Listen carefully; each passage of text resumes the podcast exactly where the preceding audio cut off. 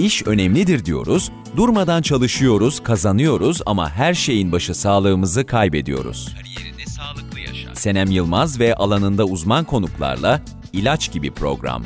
Kariyerini sağlıklı yaşa.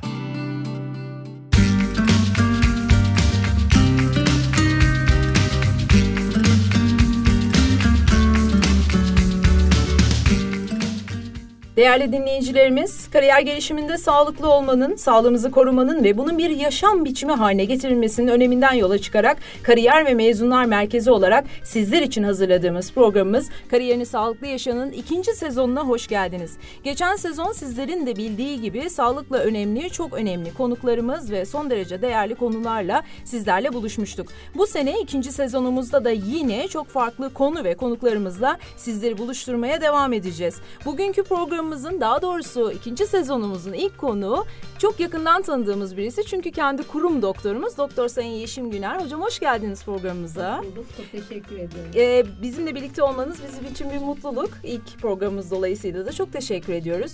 Bugün biz Doktor Yeşim Günel hocamızla iş hayatında karşılaştığımız sorunlardan bahsedeceğiz. Biraz meslek hastalıklarına da değineceğiz. Ama en önemlisi de iş sağlığı ve güvenliği hakkında sizlerden alacağımız çok değerli bilgiler olacak. İsterseniz ben ilk sorumu yönel yöneltmek istiyorum. Herkesin kafasına belki soru işaretleri olabilir. Nedir bu iş yeri hekimliği? Öncelikle ilk programımızı benimle yaptığınız için çok teşekkür ederim. Biz teşekkür Son ederiz. yıllarda çok fazla duymaya başladık. İş yeri hekimi nedir? İş yeri hekimliği, işçi sağlığı ve iş güvenliği e, kavramlarını çok sık duymaya başladık.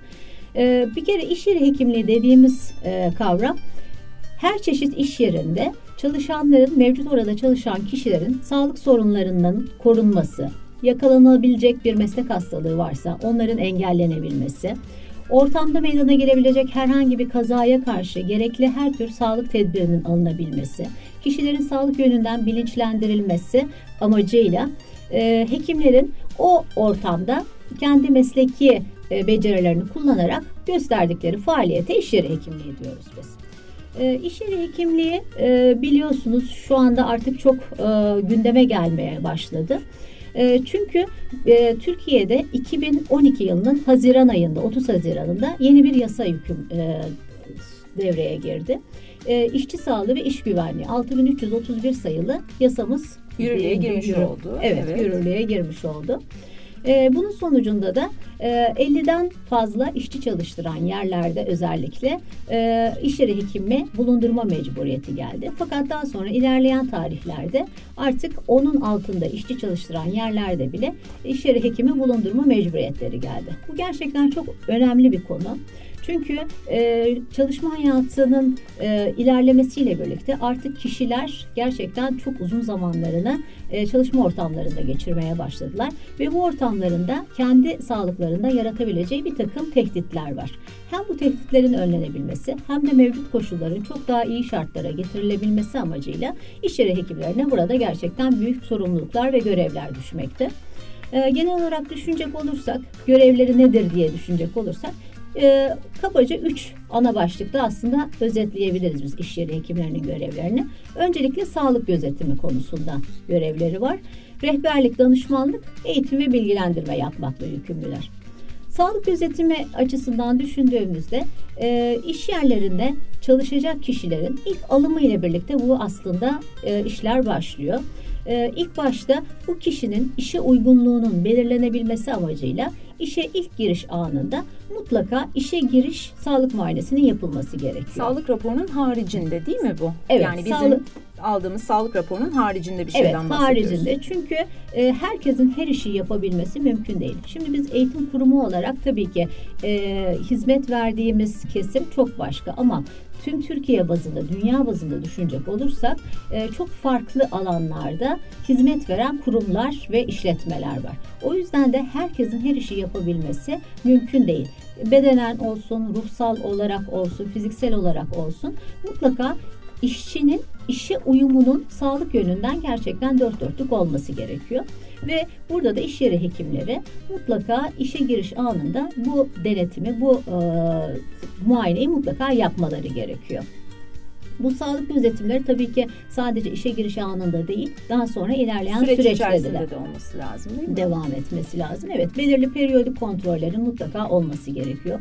Yine çalışanların çalışma alanlarına uygun olarak yıllık yapılması gereken periyodik muayeneleri, kan tetkikleri, radyolojik tetkikleri, işitme testleri, tabii ki hep çalışma ortamına uygun olarak bir takım tıbbi gözlemlerin ve e, tetkiklerin yapılması İşin lazım. niteliği ve gerekleri doğrultusunda yapılması gereken zorunlu şeyler aslında. Evet zorunlu şeyler ve bu tabii ki hani e, bir taraftan sanki mecburiyet gibi algılanmasın. Esas kişinin sağlığının e, aynı şekilde devam edebilmesi açısından da çok çok önemli. Hem işletmenin veriminin art, artması hem de çalışanın e, sağlığı açısından çok önemli bir konu.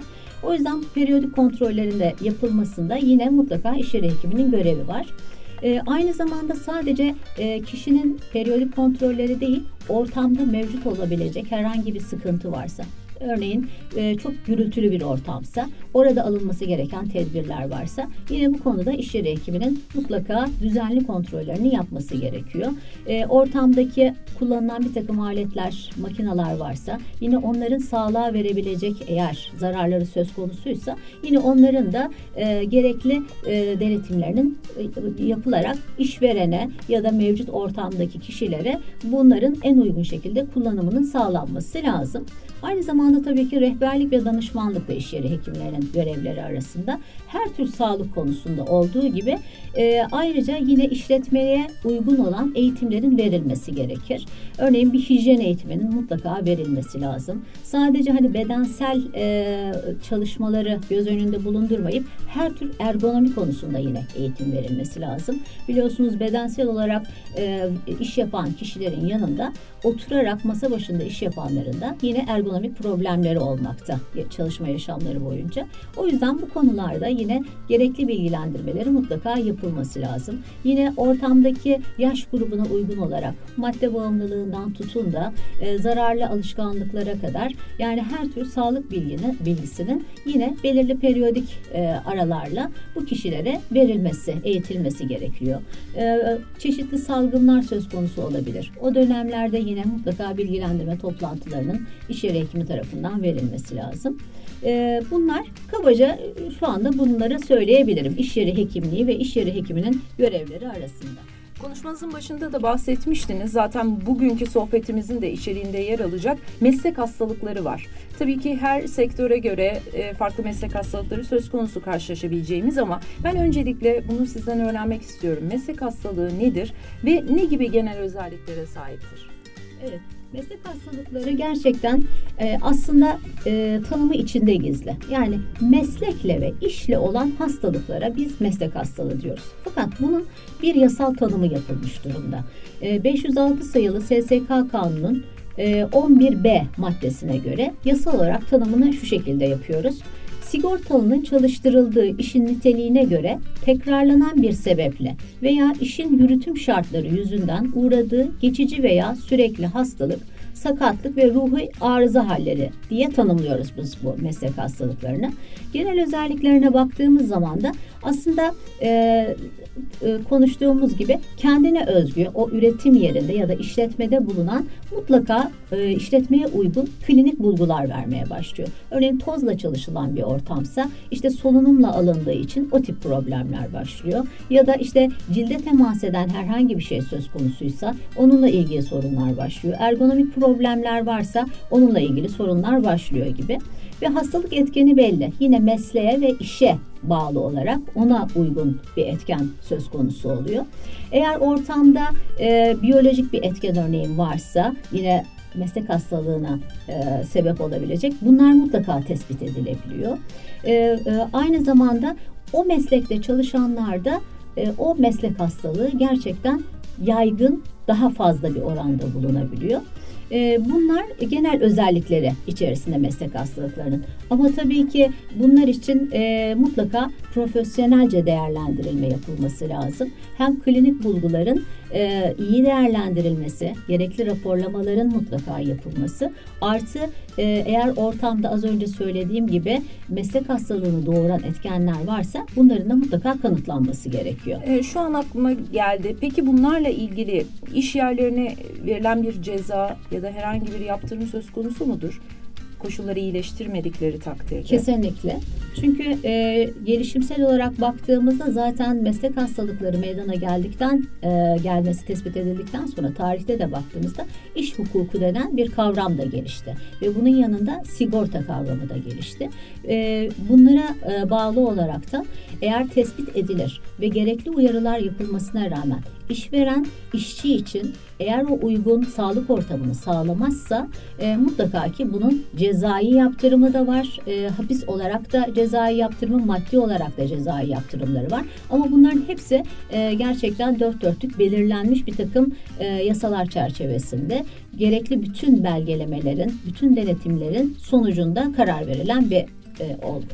Siz aslında bahsettiniz ama bazen insanlar bulundukları ortama ya da ruh durumlarına göre olmadığı halde bir meslek hastalığına yakalandıklarını düşünebiliyorlar maalesef ama siz hekimler olarak meslek hastalığının tanımını tanısını nasıl koyuyorsunuz? Şimdi meslek hastalıklarının tanısını koyarken e, az önce söylediğim gibi gerçekten çok profesyonelce yaklaşmak gerekiyor buna. E, ve bunu yaparken de e, bir takım kurallarımız var bizim. E, şimdi bu e, tanımı yapabilmek tabii ki sadece hastanın kendisine ya da doktorun o anki şeylerine bağlı değil. Bunun mutlaka bir yasal kökenin olması gerekiyor ve e, tanıyı koyarken de yine bir yasamız var bizim. 2006 yılında çıkarılmış bir yasa. Bunun da e, yine 5510 sayılı Sosyal Sigortalar ve Genel Sağlık Sigortası Kanunu 14. maddesine göre bir takım şartlar var. Bu dediğimiz eğer şartlar e, mevcut iş yerinde ve kişide gerçekten ifade edilen o meslek hastalığı var ise bunun mutlaka profesyonel sağlıkçılar tarafından belgelendirilmesi gerekiyor. Bunun için de Türkiye'de nasıl yapılıyor dersek Türkiye'de bizim üç tane meslek hastalığı hastanemiz var. Çok önemli ee, bir bilgi bu çünkü bilmiyorduk sanıyorum. Evet e, çünkü bunların tanıları bu profesyoneller tarafından konulmak zorunda. Şimdi şüphelenildiği takdirde iş yeri hekimleri evet bu kişide bu meslek hastalığı olabilir diye düşünüyorlar ön e, tetkikleri yaptırıyorlar. Kendi bilgilerini e, belgeleriyle birlikte ekleyerekten meslek hastalıkları hastanesine göndermekle yükümlüyüz. Bunlar üç tane. Birisi İstanbul'da, Nişantaşı'nda meslek hastalıkları hastanemiz var. Zonguldak'ta var ve Ankara'da var. İzmir'de yok. İzmir'de yok. Evet. Fakat şimdi şöyle bir şey. Esas meslek hastalıkları hastaneleri bunlar. İlk 1949 yılında İstanbul'da Nişantaşı'nda kurulmuş. Daha sonra Zonguldak'ta meslek hastalıkları hastanesi açılmış ve 1978 yılında da Ankara'da meslek hastalıkları hastanesi açılmış. Tabii ki sizin de söylediğiniz gibi 3 tane e, hastanenin tüm Türkiye'ye hitap edebilmesi çok kolay bir şey değil. Tabii ki gelişen süreç içerisinde başka hastanelerin de bu konularda yetkilendirilmesi gerektiği mutlaka ön plana çıkmış. Bunun sonucunda da e, 2008 yılında tüm devlet üniversite hastanelerine bu yetki verilmiş durumda. Şimdi devlet e, üniversitelerinin hastanelerinde meslek hastalıkları bölümleri var. İşçi sağlığı, e, çalışan sağlığı bölümleri var ve bizler eğer iş yeri hekimleri olarak şüphelendiğimiz bir vaka varsa kendi mevcut e, illerimizde eğer üniversite hastanesi varsa oraya yollayabiliyoruz. Bu gelişimsel süreç içerisinde yine 2011 yılında devlet hastanelerine de bu yetkiler verildi. O yüzden artık çok daha fazla imkana sahibiz. Bir kapanmış olduğunu görüyoruz. Evet. Orada 2008 ve 2011'de desteklerle. Evet. Böylece tabii ki 3 olan hastane sayımız artık çok fazla sayıda var. E, fakat e, yine de e, mutlaka belirli kurallar doğrultusunda olması gerekiyor. Çünkü bunun sonucunda işte tazminat elde etme var, işverene gelen yükümlülükler var, bir takım yasal yaptırımlar olduğu için de e, bu süreç gerçekten gerçekten çok e, ince elenerekten e, yapılıyor ve ona göre tanılar konuluyor zaten. E, bir takım şartlar var. Örneğin hemen bugün işe başlayan bir kişinin ben etkilendim deyip e, meslek hastalığı tanısı alması mümkün değil. E, her hastalıkta e, değişmekle birlikte yine de kabaca bir kişinin o iş yerinde yaklaşık 3 yıl kadar çalışmış olması Minimum gerekiyor. Minimum 3 yıl gibi Minimum, bir şey Evet. Var. Fakat yine de bazen şöyle olabiliyor. Daha az sürede e, eğer gerçekten yüksek maruziyet söz konusuysa, hastalık yapıcı bir maruziyet söz konusuysa o takdirde yüksek kurullar var. Yine sağlık yüksek kurulları var SGK bünyesinde. Onların e, görüşleri ve değerlendirmeleri sonucunda kişi meslek hastalığı tanısı alabiliyor. Yapılan çalışmalara baktığımızda aslında meslek hastalıkları ile ilgili dünyada da çeşitli çalışmalar olduğunu, önlemler alındığını görüyoruz ama bunun bir de maliyet boyutu var. Bu maliyet boyutuyla ilgili bakıldığında da ilk sırada kas ve iskelet hastalıklarını görüyoruz. İkinci sırada kalp hastalıklarını. Biraz bunlardan bahsedebilir miyiz lütfen? Evet gerçekten öyle. Ee, şimdi kas iskelet hastalıklarına e, ayrılan maliyet e, son yapılan dünya değerlendirmelerinde yüzde 40 oranında tüm meslek hastalıkları içerisinde yüzde 40'ının kas iskelet sistemi hastalıklarına yapılan maliyet e, olduğu gösterilmiş. E, bunun da tabii ki şöyle bir sebebi var. Şimdi sanayi devrimi yapıldıktan sonra insanlar çalışma hayatına başladıktan sonra aslında işçi ya da insan kaynaklı çalışmadan ziyade çalışmanın hızının artırılması, çalışmanın verimliliğinin artırılması gibi bir şeyler, e, bir takım etkenler söz konusu oldu. Buna bağlı olarak da tabii ki ilk başlarda kişilere e, yüklenme daha fazla oldu. E, çünkü insanın sağlığı bir derece daha ikinci plana atılarak işin daha hızlanması, işin daha fazla verimli olması e, söz konusu oldu. Fakat ilerleyen süreçlerde tabii ki e, artık hele gelişen bu şartlarda Türkiye'de de 2012'den beri daha önemsenil, e, önemsendiği üzere e, bu buna dikkat edilmeye başlandı. Fakat yine de kas iskelet sistemine çok fazla yükleniliyor. Çünkü bunda illaki akut bir şekilde hemen ani bir yüklenme gerekmiyor insan vücuduna. Ee, örneğin diyelim ki titreşimle çalışan bir ortam var ve haftalarla, aylarla, yıllar içerisinde kişinin iskelet sistemine zarar verebiliyor. Ya da işte belirli pozisyonda çalışma mecburiyeti olan paketleme gibi, yükleme gibi vesaire yerlerde çalışan insanlarda yine aynı şekilde belirli pozisyonlarda eğer onların ergonomileri nasıl bedenlerini kullanması gerektikleri anlatılmıyorsa e, yine çok fazla kas iskelet sistemine yükleniliyor ve bakılmış kas iskelet sisteminde de yine yüzde 60 oranında hep bel bölgesi hasarlanıyor en kişilerde. En fazla ağırlık verdiğiniz nokta belimiz. Evet. Mi? Ondan sonra diğer işte kas grupları olsun, daha küçük eklem grupları olsun etkileniyor ve bunun sonucunda da tabii ve bazen de uzun çalışma sürelerinden kaynaklanan arada dinlenmelerin çok fazla verilmediği üretim yerlerinde e, yine kas iskelet sistemi rahatsızlıkları ön planda oluyor ve genelde de hep hastalı, hastaların başvuruları bu sistemlerin ağrılarına ve hareket edememeye bağlı olarak Bel ağrıları ve ekrem ağrıları olarak daha çok kendini gösteriyor Evet daha çok gösteriyor. Bunun sonucunda da dediğiniz gibi yüzde 40 e, meslek hastalığı dediğimiz zaman en fazla maliyeti biz kas iskelet sistemi hastalıklarında görüyoruz. Bir diğer çarpıcı nokta da kalp hastalıklarında meydana gelmiş değil mi? İkinci sırada da o yer alıyor. Ee, evet maliyet açısından yine baktığımızda öyle. Fakat hani genel değerlendirmeye baktığımızda da e, meslek hastalıklarından en fazla hangi hastalıklar oluşuyor diye baktığınızda yine tüm dünyada yapılan istatistiklerde yüzde 32 oranında e, bu maruziyetin kanserlere yol açtığı aslında ortaya çıkmış. Özellikle de biliyorsunuz solunum yoluyla alınan e, işte maden ocakları gibi işte bir takım e, kimyasal metalli, fabrikalarda evet, üretimler kimyasal, boya olabilir ya da farklı çeşitli şeyler evet, olabilir. Oralarda e, uzun süre maruziyetler sonucunda kansere yakalanma oranları çok daha yüksek ve yüzde 32'ye teşkil ediyor. Daha sonra e, kardiyovasküler sistem hastalıkları yüzde 23 ile e, görüyoruz biz bunları. E, tabii ki daha azalan çok pardon daha azalan oranlarda da birçok sistem hastalığını yine e, görebilmekteyiz. Peki bunun yanında e, mental hastalıklar var, cilt hastalıkları var. Bunların oranı nedir? E, oransal olarak e, onların tam hani net istatistik olarak herhangi bir değerlendirmesini e, bilmiyorum. Ancak e, dediğiniz gibi yine e, mental olarak bir kere stres faktörü de bizim için çok çok önemli. Yani stres dediğiniz zaman e, insanın birçok sistemi etkilenebiliyor ve bütün verimliliğini düşürebilecek sonuçlara yol açabiliyor. E, stresten dolayı kişi öncelikle zaten kendisine karşı e, kendi yapabileceği potansiyelin altına düşmüş oluyor. Bu da iş verimliliği yönünden tabii ki azalmaya sebebiyet veriyor. Ve e, bu sefer neler başlıyor? Dikkatsizlik başlıyor en başta. Dikkatsizliğin sonucunda e, yaralanmalar meydana gelebiliyor. iş kazaları meydana gelebiliyor. E, ve etrafla uyumsuzluk başlayabiliyor.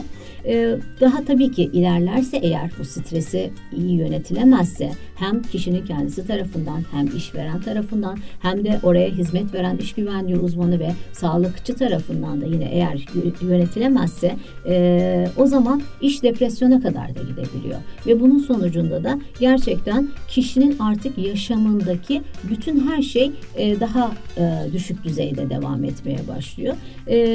Ve stresin de yarattığı etkilerle asabilik başlayabiliyor, uyumsuzluk ve e, iş arkadaşlarıyla e, çalışma ortamında istenmeyen durumlar oluşabiliyor. E, eğer sizin dediğiniz gibi kimyasal maddeler e, kullanılıyorsa yine cilde temas eden şeyler varsa ciddi ciltte alerjik durumlar ya da daha ciddi kansere kadar götürebilecek e, meslek hastalıklarıyla karşılaşabiliyoruz.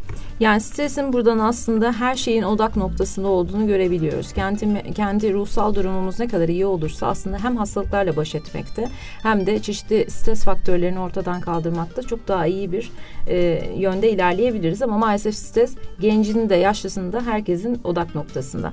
Peki genelde mesela iş hayatında stres kaynakları neler olarak sizin karşınıza çıkıyor? Çünkü siz bir iş yeri hekimisiniz ve hem çalışanla hem de biz bir eğitim kurumu olduğumuz için öğrencilerle de bir arada aradasınız. Ortak olarak sizin gözlemlediğiniz stres kaynakları neler? En çok evet. neyle karşılaşıyorlar daha doğrusu? Ee, şimdi biz tabii eğitim kurumu olduğumuz için öncelikle bizim öğrencilerimizle yaşadığımız e, en fazla stres etkeni sınav dönemlerinde oluyor. E, sınav dönemlerinde e, gençler eğer e, önden hazırlıklarını iyi yapmamışlarsa o takdirde sınav periyotlarında e, bunu sadece basit bir işte uykusuzluk, yine yetersiz ders çalışma gibi karşımıza gelebildikleri gibi gerçekten e, bütün sistemleri etkilenmiş bir şekilde de görebiliyoruz. Bazen çok ciddi mide ağrılarıyla gelebiliyorlar. Strese bağlı ama sadece aslında herhangi bir organik bozuklukları olmuyor çocukların. Ya da e, nefes darlıkları, solunum sistemine e, etkileri olabiliyor. E, ciddi nefes alamama şikayetlerinden bahsediyorlar çarpıntı şikayetiyle geliyorlar bize. Yine stresin yarattığı etkiyle ee, ve tansiyonları değişebiliyor. Kimisinde strese bağlı olarak aşırı tansiyon düşük çünkü uykusuzluk olabiliyor, yorgunluk olabiliyor o sırada kendilerine yükledikleri stres etkisiyle. Ee, dediğim gibi e, tansiyonun da kalp çarpıntısı olarak değişiklikler meydana gelebiliyor. Yeme sorunları ortaya çıkabiliyor çocuklarda ya da arkadaşlarıyla uyumsuzluk meydana gelebiliyor. Özellikle yeni gelenler ve farklı bir şehirden gelenlerde bunu yaşayabiliyoruz değil mi? Tabii. Onu da dediğiniz gibi çok fazla görüyoruz. Bazen e, her ne kadar çocuk 18 yaşında da olsa artık biz onu yetişkin olarak, yasa olarak yetişkin olarak desek de e, evinden henüz yeni ayrılmış öğrencilerde bazen farklı şehrin ya da farklı bir üniversite ortamının yarattığı sıkıntılar olabiliyor. O takdirde de bizim e, beraber çalıştığımız psikolojik rehberlik danışmanlık birimimiz var. Oradaki hocalarımızla sağ olsunlar hemen iletişime geçiyoruz zaten. E, biz e, işin tabii biraz daha tıbbi boyutunu düşünerekten yaklaşıyoruz. Fakat eğer e, öğrencilerimizin ya da personelimizin stres konusunda herhangi bir ilaca ihtiyacının olmadığı, sadece psikolojik olarak e, desteğe ihtiyacı olduğunu gördüğümüz takdirde de onlara yönlendiriyoruz. Onlar da gerekli e, görüşmeleri sağlıyorlar. Çalışanlar işlerle. açısından stres kaynakları neler olabiliyor? Çalışanlarda da yine e, aslında iş gruplarına göre değişiklikler var. E, örneğin bir temizlik personelinin ya, yaşadığı stresle bir akademisyenin yaşadığı stres tabii ki birbirinden, birbirinden çok farklı. farklı oluyor. E, uzun çalışma süreleri eğer olursa kişilerde yine aynı şekilde e, biraz daha fazla şikayet olabiliyor.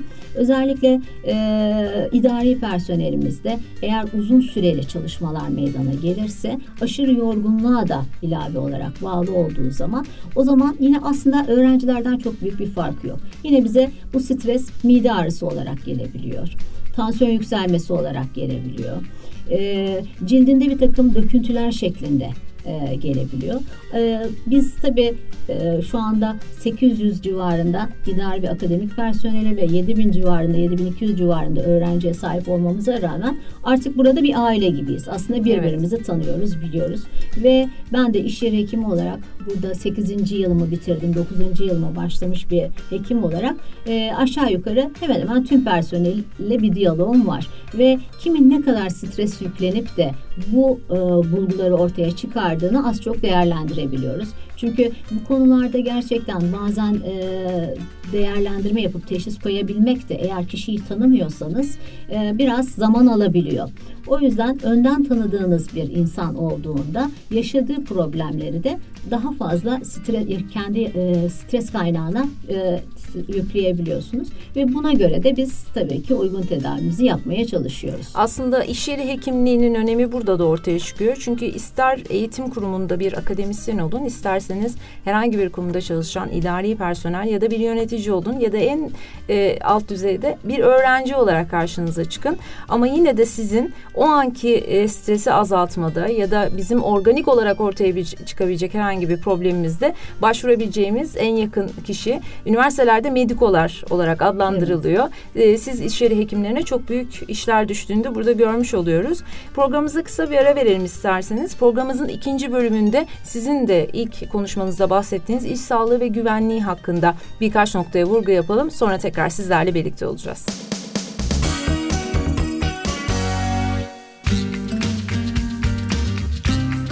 Doktor Sayın Yeşim Günel'le sohbetimize devam ediyoruz. Programımızın ilk bölümünde meslek hastalıklarından bahsettik. Bunların etkilerinden ve nasıl stres yaratabilecek ortamlarda bulunabileceğimizden ve stresin e, nasıl bertaraf edilebileceğinden bahsettik aslında. Şimdi bir diğer önemli nokta olan ve günümüzde de son derece önemli hale gelen e, kurumların da bu konuda e, çeşitli merkezleri oluşturmaya başladıkları, uzmanları istihdam etmeye başladıkları bir alanla iş sağlığı ve güvenliği. Sizin de bu konuda çalışmalarınız var. Bizim iş sağlığı güvenliği uzmanımız Sayın Murat Diker'le de çalışıyorsunuz. Biraz da iş sağlığı güvenliğinden bahsedebilir miyiz lütfen? Tabii ki çok teşekkür ederim. Gerçekten çok önemli bir konu. Ee, konuşmanın başında aslında belirtmiştim. 2012 yılının 30 Haziran'ında 6331 sayılı bir yasa gündeme geldi. İşçi sağlığı ve iş güvenliği yasası. E, bu e, her ne kadar genel şartları, genel konuları belli olsa da aslında e, her iş yerinin kendine spesifik ortamları olduğu için aslında biraz da bilinmezlerle dolu bir yasa bu. Fakat e, kabaca baktığınızda amaç çalışanların sağlığını ve güvenliğini korumaya yönelik e, alınması gereken tüm tedbirleri kapsayan bir yasa. E, fakat biz e, ilk başta tabii ki e, burada yapılması gerekenler nedir? İş yeri hekiminin mutlaka olması gerekiyor. İş güvenliği uzmanının mutlaka olması gerekiyor o birimde ve e, iş güvenliği kurullarının oluşturulması gerekiyor. Şimdi birçok yerde ilk başta bunlar yasal zorunluluk olarak kağıt üzerinde yapılmaya başlandı. Fakat biz üniversitemizde bu konuda gerçekten e, sağlam ve emin adımlarla yürüme kararı aldık. Ve şu anda e, iş sağlığı ve iş güvenliği konusunda gerçekten iyi bir e, rol üstlendiğimizi düşünüyorum. E, öncelikle biz e, kendi içimizdeki kurallarımızı belirledik yapmamız gereken burada de, e, az önce de söylediğimiz gibi yaklaşık 8 bin kişiye hizmet veren bir kurumuz biz. Ve buradaki kişilerin ortam e, risklerinin neler olduğunu öncelikle belirlemeye e, kararlaştırdık ve e, genel olarak tüm riskler belirlendi. Fakat bu riskleri tabii ki her ne kadar profesyonel gözle de baksanız zaman içerisinde bir takım değişiklikler yapmanız gerekebiliyor. Çalışma ortamlarında kişilerin size başvurularıyla ya da siz o ortamlara gidip değerlendirmeler yaptığınızda kişilerin e, daha e, sağlıklı bir ortamda yaşayabilmesi için ilave riskler görebiliyorsunuz. Onlara yönelik de tedbirler almanız gerekiyor. Ve ilerleyen süreçte hep e, biz bunları e, geliştirmeye başladık. E, risklerimizi değerlendirdikten sonra e, zaten konunun başında da söylediğimiz gibi düzenli olarak biz bir kere periyodik muayenelerimizi, kontrollerimizi, tetkiklerimizi yap, yapıyoruz.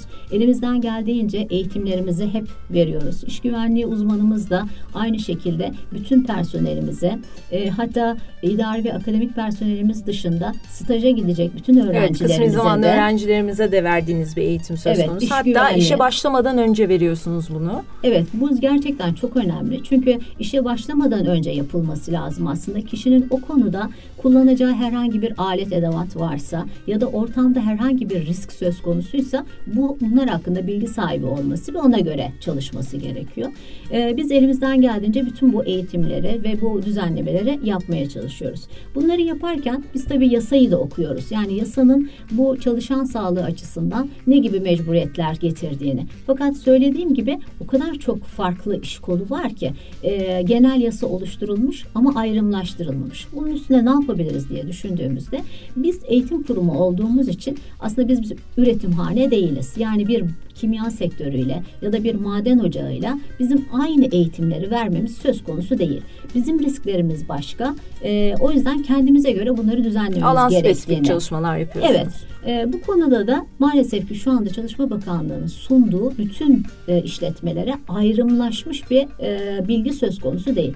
Bunun üstüne biz tüm İzmir'deki üniversitelerle diyaloğa geçtik ve onların neler yaptığını hem biz neler yapıyoruz onlara gösterebilmek hem de onlardan eksik kalan bilgilerimiz varsa ortak bir platform oluşturmak için yola çıktık. Ve bunun sonucunda da şu anda İzmir'de bulunan bütün devlet üniversiteleri, Ege Üniversitesi, 9 Eylül Üniversitesi, Katip Çelebi e, bunlar dahil olmak üzere özel üniversitelerle de e, işte Yediz Üniversitesi, İzmir, Ekonomi ve e, Şifa Üniversitesi ile ortak bir platform oluşturduk ve e, belirli rutinlerle toplantılara başladık. Yani siz İzmir Üniversiteleri platformunun bir alt çalışma grubu olarak bu çalışmalarınızı ortak bir şekilde sürdürüyorsunuz diyebiliriz evet, değil mi? Evet yaklaşık bir senedir biz bu platformu oluşturduk ve e, her ay hemen hemen toplanmaya çalışıyoruz. Bu konuda üniversitemizde endüstri mühendisliğinin de yaptığı e, Kasım ayında çok e, büyük bir toplantı oldu. Amerika'dan Auburn Üniversitesi'nden gelen öğretim üyeleriyle birlikte yine bu iş sağlığı ve iş güvenliği alanında güzel bir toplantı yapıldı. Burada da e, sadece İzmir'deki üniversiteler değil bu platformun e, kolları oluştu. İşte İstanbul'dan örneğin Koç Üniversitesi ya da başka işte Adana'dan da gelenler oldu. E, çeşitli e, yerlerden artık üniversitelerden bize e, öneri e, daha doğrusu daha çok sorular oluyor. Şunu nasıl yapıyorsunuz, bunu nasıl yapıyorsunuz diye. Tabii ki daha çok çok yeni. E, fakat gerçekten iyi bir platform oluşturduğumuzu düşünüyorum.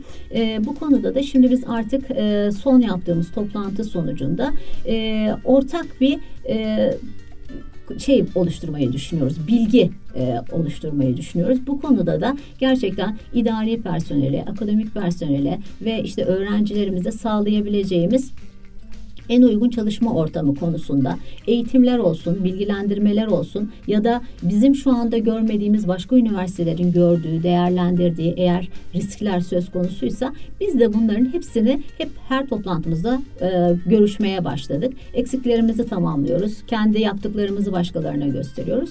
E, rutin olarak devam ediyor şu anda bu toplantılarımız. Peki e, üniversitelerde okuyan öğrencilerimiz var. Tabii ki farklı alanlarda, farklı bölümlerde okuyorlar ve bu nun sonucunda da iş hayatlarına atılıyorlar. Peki iş sağlığı ve güvenliği eğitimleri kapsamında hangi mesleklerin hangi e, koşulları gerektirdiği ya da hangi iş sağlığı ve güvenliği noktalarına dikkat edilmesi gerektiği ile ilgili öğrencilere de böyle bir bilgilendirme planlıyor musunuz yapmayı? Şimdi aslında evet bu ortak bir e, görüş.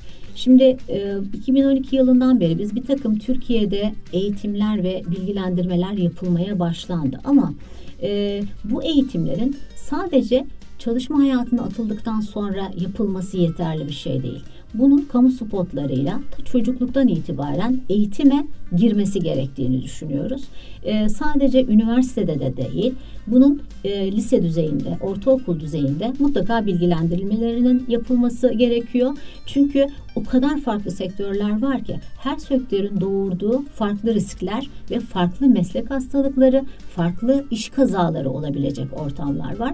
Onlara yönelik olarak da bu eğitimlerin e, planlanması gerekiyor. Biz şimdi ne yapıyoruz? Evet dediğiniz doğru. Bizim fakültemizde bulunan bölümlerin öğrencilerinin karşılaşabileceği riskleri hep düşünüyoruz ve her seferinde yeni bir şey de üretiyoruz. Zaten. Yani mimarlık fakültesindekilerin iş hayatına atılacağında karşılaşacağı risk faktörleri ayrı, e, mühendislik fakültesi keza ayrı, işte Fen Edebiyat Fakültesindeki bölümlerimizin ayrı gibi. Hani sanki öğrencilerimizin okurken de bir yandan mesleklerini öğrenirken bir yandan ne gibi risklerle ya da nasıl bir iş ortamıyla karşılaşabilecekleri, orada doğacak sorunlarla nasıl başa çıkabilecekleri ya da nasıl önlem alabilecekleri konusunda da sanki eğitimlerine bir parça destek vermenin e, yerinde olabileceği gibi nacizane bir görüşüm var Tabii ama komisyon olarak nasıl bir karar aldınız ee, bilemiyorum Şu an ama. için eğitim yani bizim mevcut öğrencilerimize ayrımlaşmış herhangi bir eğitimimiz söz konusu değil ama düşünce bazında evet biz de aynı şeyi düşünüyoruz. Ee, şu anda zaten Türkiye'de bazı üniversitelerde lisansüstü düzeyinde iş sağlığı, iş güvenliği programları da başladı. Biz de e, belki ilerleyen süreç içerisinde Yaşar Üniversitesi olarak belki lisans düzeyinde bile olabilir. E, bu eğitimler verilmeye başlanırsa e, tabii ki mevcut diğer bölümlerde okuyan öğrencilerimize de bu konuda eğitimlerin, bilgilendirmelerin yapılabilmesinden yanayım ben de. Yapılmasını isterim gerçekten. Aslında bu konuyu daha da geniş bir boyutta konuşmak isterim.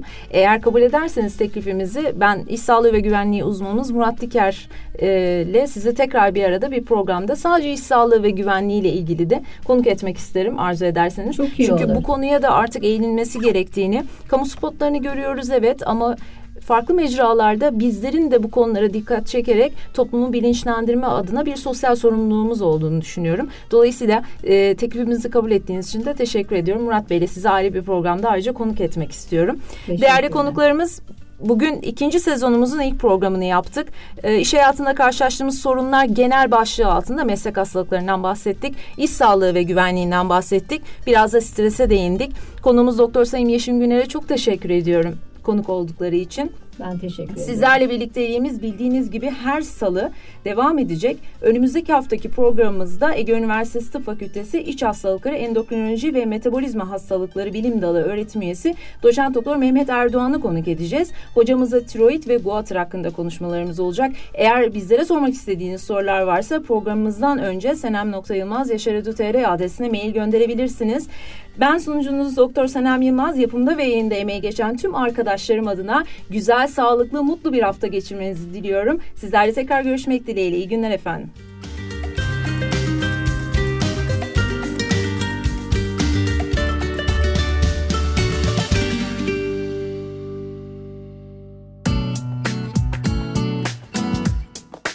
İş önemlidir diyoruz, durmadan çalışıyoruz, kazanıyoruz ama her şeyin başı sağlığımızı kaybediyoruz. Kariyerinde sağlıklı yaşa. Senem Yılmaz ve alanında uzman konuklarla ilaç gibi program. Kariyerini sağlıklı yaşa.